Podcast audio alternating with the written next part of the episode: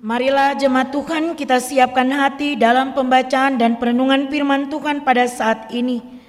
Adapun tema perenungan firman Tuhan di minggu sengsara yang keenam, Yesus Raja Adil, Jaya dan Lemah Lembut. Dan pembacaan Alkitab dalam Sakaria 9 ayat 9 sampai ayat 10.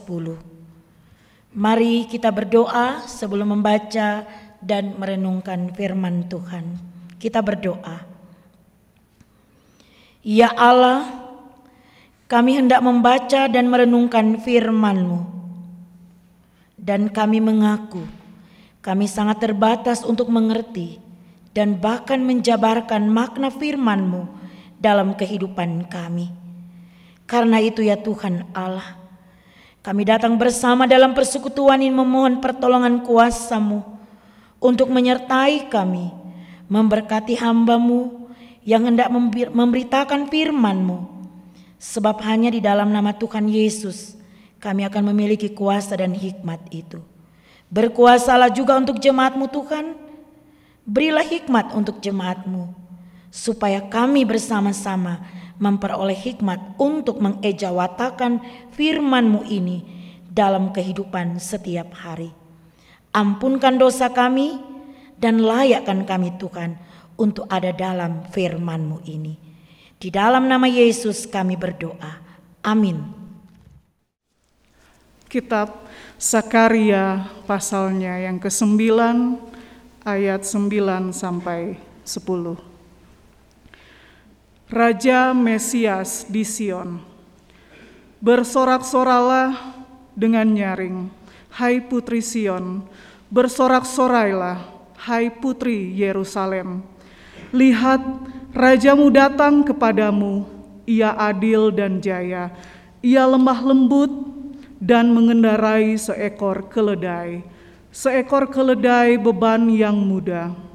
Ia akan melenyapkan kereta-kereta dari Efraim dan kuda-kuda dari Yerusalem Busur perang akan dilenyapkan dan ia akan memberitakan damai kepada bangsa-bangsa.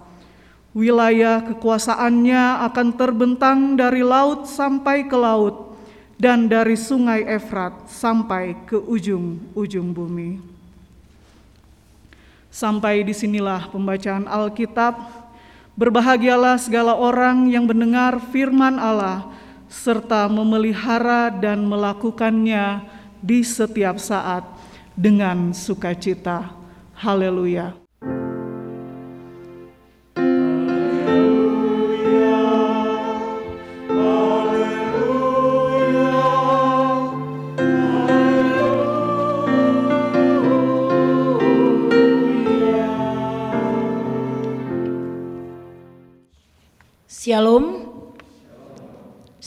Sejahtera untuk kita sekalian dari Tuhan kita Yesus Kristus dan kita patut bersyukur di hari ini karena kita boleh ada di minggu sengsara yang keenam atau minggu pasio yudika yang artinya berilah keadilan. Saudara-saudaraku yang dikasih dan diberkati oleh Tuhan Yesus Kristus, tema renungan firman Tuhan kita adalah Raja Adil, Jaya, dan Lemah Lembut. Kalau kita memperhatikan pembacaan Alkitab kita dalam Sakaria 9 ayat 1 dan 10 ayat 9 dan 10 ini maka kita akan dapat mengambil satu kesan bahwa tulisan firman Tuhan ini sedang menceritakan bagaimana keadaan bangsa Yehuda ketika mereka pulang dari pembuangan selama 70 tahun. Nabi Sakaria adalah seorang nabi yang dipilih Allah untuk menjadi perpanjangan tangannya menyampaikan firman Tuhan ini di tengah-tengah bangsa yang kembali dari pembuangan ke Yerusalem.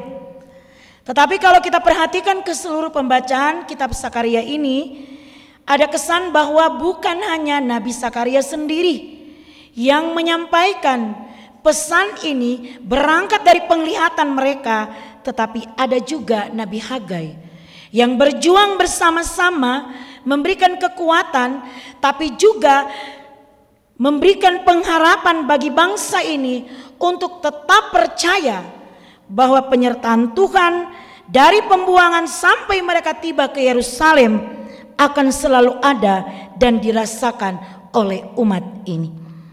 Saudara-saudaraku yang kekasih di dalam Tuhan Yesus Kristus dan kitab Sakaria juga menceritakan bahwa Hagai atau Sakaria dan Hagai mereka sukses menggugah dan mengarahkan bangsa itu untuk kembali membangun bait suci Allah ketika mereka kembali dari pembuangan pada saat menyaksikan Yerusalem telah dihancurkan. Saudara-saudaraku yang sangat dikasih dan diberkati oleh Tuhan kita Yesus Kristus. Pertanyaan bagi kita saat ini, kenapa Nabi Sakaria yang dipakai oleh Allah untuk menyampaikan firman ini? Arti Nabi Sakaria adalah Allah mengingat. Dengan arti inilah kemudian membawa kehidupan Sakaria untuk menyampaikan pesan meskipun keadaan Yerusalem tengah porak-poranda. Namun di sini Allah tetap mengingat umatnya. Allah menggenapi janjinya walaupun karena penghukuman Allah keadaan tengah hancur lebur akibat tegar tengkunya bangsa Israel. Sekali lagi kita melihat firman Tuhan ini, Allah tidak pernah pudar kasihnya terhadap bangsa Yehuda. Tetapi harapan tetap ada karena Allah menyertai umatnya yang bertobat. Karena itu dalam pembacaan Alkitab ini Sakaria juga bahkan memberikan janji tentang kedatangan Mesias yang sangat unik. Mesias itu adalah raja yang akan datang dengan menunggang keledai. Ia lemah lembut dan membawa berita damai yang akan diberitakan sampai kepada semua bangsa. Seorang raja tidak biasa menunggang keledai dan biasanya raja menunggang kuda yang gagah perkasa dan kekuatannya akan mengalahkan musuh-musuhnya. Tetapi di sini cara Allah lain dengan cara manusia. Saudara-saudaraku, yang sangat dikasih dan diberkati oleh Tuhan kita Yesus Kristus. Karena itu kalau kita memperhatikan bacaan ini, ada dua kesan yang harus muncul dalam pemikiran kita sebagai orang percaya bahwa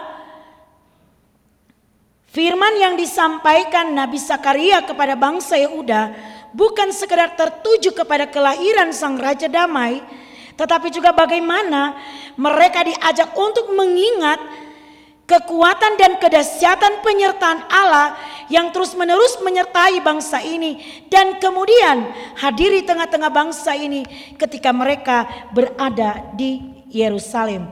Kalau kita perhatikan ayat yang ke-9, di situ dikatakan begini.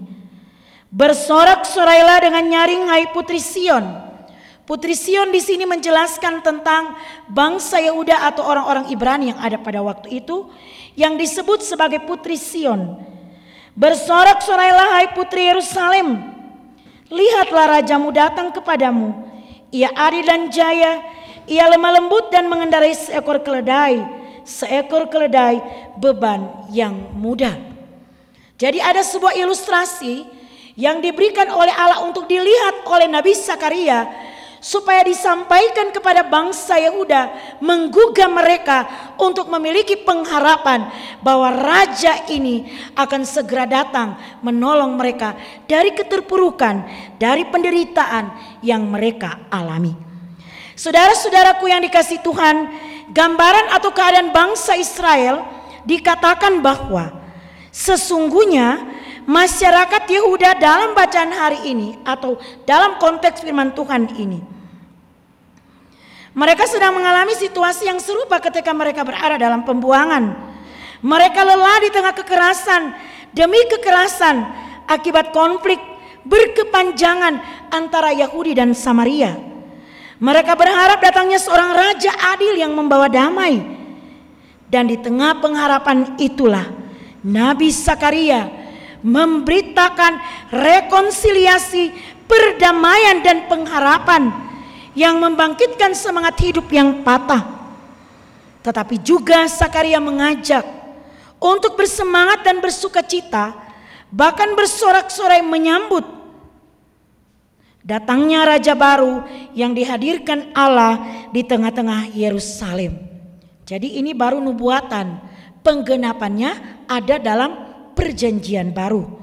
Saudara-saudaraku yang dikasih dan diberkati oleh Tuhan kita Yesus Kristus dan raja yang baru inilah yang mau disampaikan oleh Sakaria bukanlah sosok pahlawan perang yang seram yang memakai kekuatan dan senjata perang untuk menghancurkan musuh. Tetapi Tuhan menghadirkan sosok raja yang lemah lembut. Raja yang baru datang adalah ratu adil yang lembut, bersahaja dan rendah hati. Kehadirannya jauh dari simbol-simbol kekuasaan yang menindas. Kita lihat di sini saudara-saudara, kendaraannya adalah seekor keledai beban yang mudah. Ia tidak mengendarai kuda perang yang kuat dan perkasa, tapi seekor keledai beban muda. Ia adalah pemimpin yang mengakhiri perseteruhan dengan jalan kerendahan hati, kelemah lembutan dan pengampunan. Jadi Sakaria mau sampaikan bahwa raja yang datang ini, yang akan datang ini, jadi ini nubuatan ya, penglihatan Sakaria disampaikan kepada bangsa Israel atau orang-orang Yahudi waktu itu bahwa raja yang akan datang itu berbeda dengan raja-raja yang mereka lihat pada saat itu. Yang penuh kekerasan, yang tidak kompromi dengan apa yang terjadi, selalu menjatuhkan hukuman. Karena itu Sakaria bilang bahwa raja yang datang ini adalah raja yang akan mengakhiri perseteruan dengan jalan kerendahan hati. Dia punya kelemah lembutan dan dia memiliki pengampunan. Saudara-saudaraku yang sangat dikasih dan diberkati Tuhan.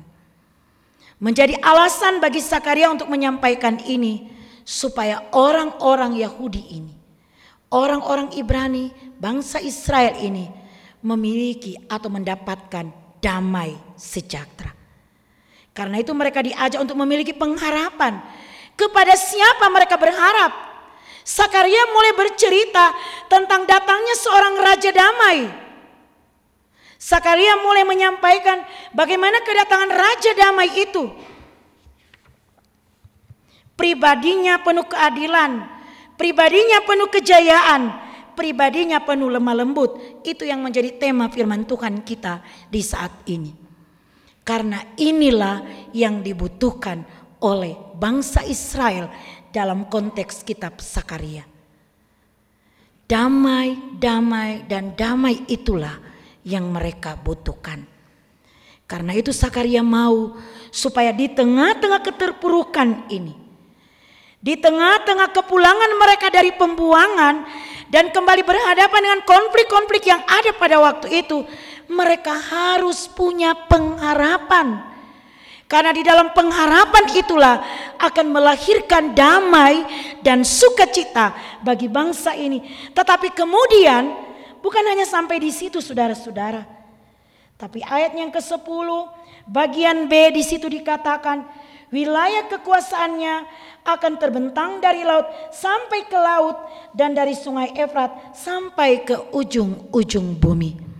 Jadi saudara-saudara boleh bayangkan raja yang datang ini bukan hanya sampai di Yerusalem. Tetapi dia kemudian akan berkuasa ke seluruh ujung bumi membawa damai dan keselamatan untuk semua orang yang menaruh pengharapan kepada raja itu sendiri. Saudara-saudaraku yang dikasih Tuhan, nubuatan ini memang dipenuhi dan menceritakan tentang diri Yesus Kristus. Raja yang datang melawat umatnya.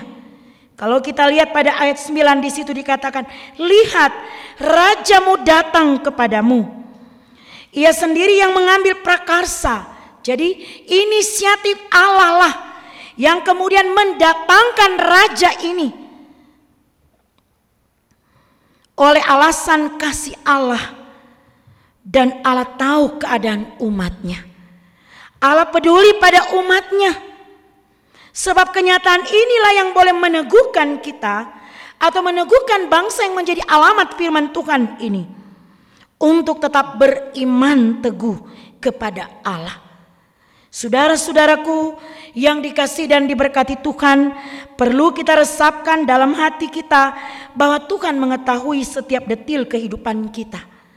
Khususnya keadaan kita yang tidak lepas dari kuasa maut karena dosa-dosa kita. Kita yang penuh persoalan dan kita yang merasa tidak damai dalam kehidupan kita. Ia tahu yang terbaik dalam hidup kita. Belajar dari bangsa Israel, mereka ditempah dalam pembuangan 70 tahun mereka dalam pembuangan. Membentuk karakter mereka sebagai umat pilihan, bangsa yang dikhususkan. Dan lebih dari itu, ia menghendaki agar kita selamat dalam hidup dan pemeliharaannya. Itu sebabnya tidak ada kata putus asa saudara-saudara. Kalau kita melihat konflik yang terjadi dalam bangsa Israel, mungkin kita juga sekarang ini berada dalam ketidakpastian. Dan karena itu menjadi tujuan kita, kita mau hidup damai. Kita mau ada dalam ketenangan. Kita mau hidup harmonis dan kita mau ada dalam sukacita. Bagaimana caranya? Kita harus taruh pengharapan kepada raja damai ini. Saudara-saudaraku yang sangat dikasih dan diberkati, oleh Tuhan kita Yesus Kristus. Karakter raja yang akan datang itu adalah adil, jaya atau menyelamatkan. Dia lemah lembut, dia sempurna. Dan semuanya ini merupakan kebutuhan umat manusia dari dulu hingga hari ini yang hanya dapat diberikan Tuhan dengan sempurna. Ia adalah adil, memberikan yang terbaik untuk umat manusia dan kualitas seperti itulah yang semestinya dimiliki oleh seorang raja.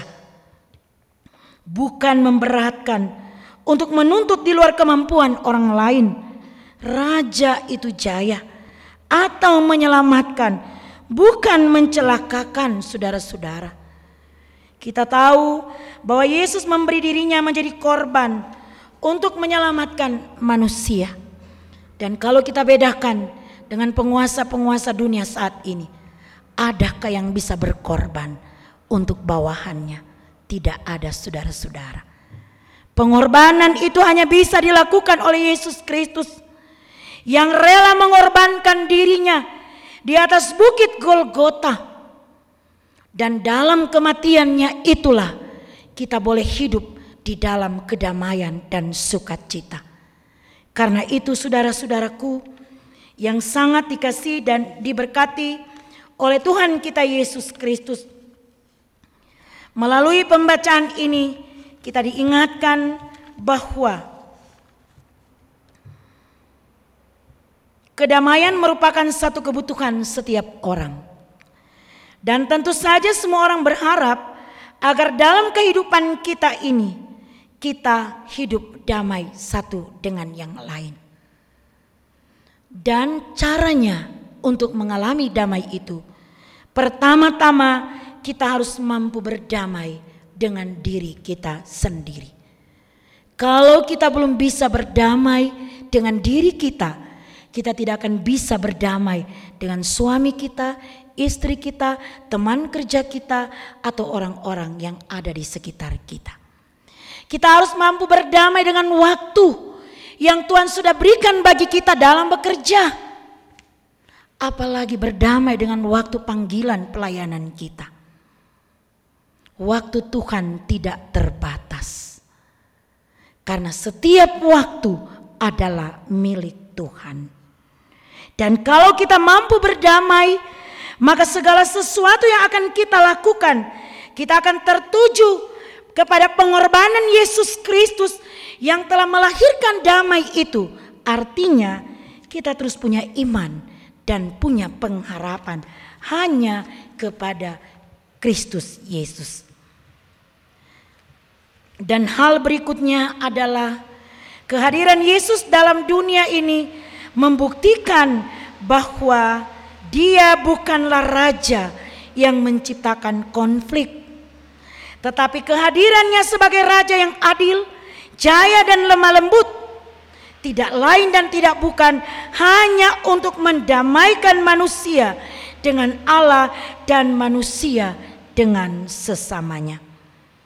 Karena itu saudara-saudaraku yang dikasih dan diberkati Tuhan di minggu sengsara yang keenam ini. Marilah kita menaruh pengharapan kita kepada Tuhan.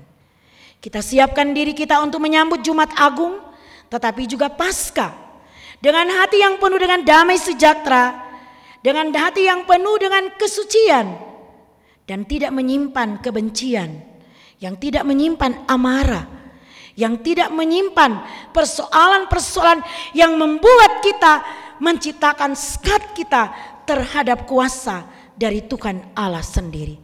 Percayalah saudara-saudara, Raja adil, jaya dan lemah lembut itu sudah datang dalam hidup kita.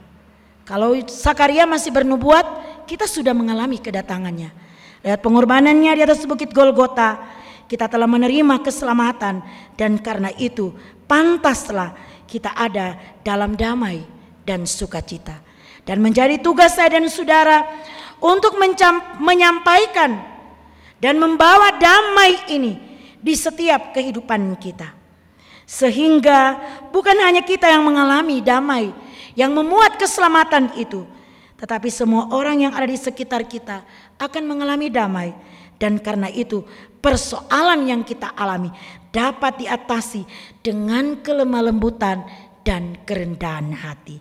Tuhan memberkati firman-Nya bagi kita dan akan memampukan kita sekalian untuk tetap menaruh pengharapan serta siap sedia menyambut kedatangan Tuhan yang kedua kali. Amin. Jemaat yang dikasih dan diberkati oleh Tuhan Yesus Kristus, mari kita satukan hati kita, kita berdoa. Allah Bapa Tuhan yang kami muliakan di dalam nama Yesus Kristus, inilah persekutuan kami yang telah dikehendaki Allah untuk kami lakukan bersama sebagai jemaat GKI Kalvari Tembagapura. Di dalam persekutuan ibadah ini Tuhan, kami telah menaikkan pujian dan penyembahan kepadamu tetapi juga kami boleh belajar tentang firman-Mu yang belum sempurna kami pahami. Sebab itu kami tetap membutuhkan kuasa-Mu supaya memampukan kami menjadi sempurna memahaminya dan melakukan dalam kehidupan setiap hari. Terima kasih Tuhan, firman-Mu boleh disampaikan kepada kami. Kami boleh belajar tentang keadaan bangsa Yehuda yang ditempa dalam pembuangan selama 70 tahun tetapi kasih setiamu Tuhan tidak pernah meninggalkan mereka. Terima kasih untuk firmanmu. Biarlah firmanmu boleh memberkati jemaatmu. Dan firmanmu terus mengawali langkah kaki kami sekalian. Bapa di dalam surga. Di malam hari ini hamba membawa kehidupan jemaatmu ke dalam tanganmu. Engkau lihat Tuhan setiap jemaatmu yang duduk di tempat duduk mereka masing-masing Tuhan, Engkau dengarkanlah setiap doa-doa pribadi yang mereka sedang sampaikan kepadamu. Hambamu ini tidak bisa mengetahui dan mendengarkannya. Tapi hambamu ini percaya engkau mendengarkan suara hati mereka. Engkau sedang melihat kehidupan mereka. Engkau sedang mendengarkan keluh kesah mereka. Engkau sedang menerima segala ucapan syukur dan sukacita yang dipersembahkan oleh jemaatmu ini kepadamu. Dengarkanlah doa jemaatmu Tuhan. Dan kiranya juga engkau melawat setiap yang sakit saat ini. Yang tidak kami ketahui ataupun yang sudah menyampaikan doa-doa pribadi kepadamu Tuhan. Sembuhkan mereka Tuhan. Pulihkan mereka dari sakit yang mereka alami. Yang berduka Tuhan hiburkan dan kuatkan senantiasa. Tuhan hadirlah mereka sebagaimana janjimu. Bahwa engkau tidak akan meninggalkan kami sebagai yatim piatu. Tetapi engkau akan menghadirkan roh penghibur bagi kami. Dan itulah yang akan dialami oleh orang-orang yang berduka cita. Tuhan, lawatlah mereka dengan kuasa kasih-Mu. Ya Tuhan Allah Bapa di dalam surga, begitu juga dengan jemaatmu yang sedang menjalani cuti. Tuhan jaga dan lindungi mereka di mana pun mereka berada saat ini. Biarlah mereka tetap ada dalam penyertaan dan perlindunganmu Tuhan. Supaya ketika mereka kembali ke job site, mereka boleh lagi bersama dengan kami untuk bersekutu memuji memuliakan Engkau ya Tuhan Allah. Tuhan Allah Bapa di dalam sorga, malam hari ini pun hamba berdoa untuk TNI dan Polri, para medis, Engkau kiranya memberkati dan memampukan mereka dalam tugas masing-masing. Engkau memberikan mereka kesehatan, kekuatan, dan kemampuan. Biarlah dalam pekerjaan mereka masing-masing, mereka boleh melakukan yang terbaik untuk Tuhan, bukan untuk kami sehingga mereka boleh melakukan yang terbaik, melahirkan damai sejahtera untuk tempat di mana kami tinggal saat ini. Bagi para medis, Tuhan kuatkan dan mampukan mereka supaya mereka dalam memberi pelayanan mereka boleh berikan yang terbaik. Tuhan Allah Bapa di dalam sorga, kami pun berdoa untuk situasi dan keadaan di mana kami tinggal saat ini. Jagalah kami Tuhan, berkatilah kota Tembagapura dan sekitarnya. Hadirlah di sini Tuhan, supaya tetap ada damai dan keselamatan untuk kami semua. Bapa di dalam surga, di malam hari ini hamba berdoa khususnya untuk keluarga Hans Peveste atas meninggalnya keponakan Fritz Vervete di Kaimana, Papua Barat. Tuhan, Engkau yang sudah mengambil keponakan dari keluarga ini. Dan hamba percaya sebagaimana Israel engkau tidak tinggalkan dalam keterpurukan, dalam penderitaan mereka. Maka itu pun yang akan dialami oleh keluarga Verwete dalam duka cita ini. Engkau akan tetap mengasihi mereka, menghibur dan menguatkan mereka Tuhan. Tuhan yang Maha Kuasa. Berkatilah keluarga yang berduka cita ini. Hamba berdoa dan menyerahkan semua pelayanan kami di saat ini. Tim musik gereja, radio suara kasih, tim multimedia, para majelis jemaat yang sudah bertugas dan hadir dalam pelayanan ibadah di malam ini. Sempurnakanlah pelayanan kami Tuhan dan berkatilah kami.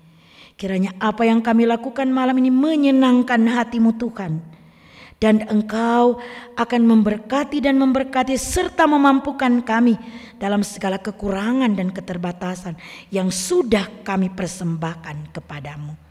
Oh Bapa di dalam surga, hamba menyerahkan seluruh rencana pelayanan di minggu berjalan. Tuhan sertai dan menyertai segala aktivitas kehidupan jemaatmu dalam pekerjaan dan keseharian mereka. Biarlah kasih setia Tuhan menyertai kehidupan kami sekalian, memberkati kami, melindungi kami, menjauhkan kami dari mara bahaya, sakit penyakit kecelakaan, cobaan, godaan, maut sekalipun. Menjauhkan kami dari pandemi yang terus kami gumuli. Walaupun saat ini Tuhan sudah ada pelonggaran, tapi kami percaya bahwa kami tetap membutuh perlindungan-Mu Tuhan. Biarlah segala sesuatu Engkau atur sesuai dengan kehendak-Mu Tuhan dan kiranya pandemi ini akan berlalu dari kehidupan kami. Terima kasih ya Tuhan. Inilah doa permohonan kami di malam ini. Ampuni dosa dan salah kami Tuhan. Hanya di dalam nama Tuhan Yesus Kristus kami berdoa. Amin.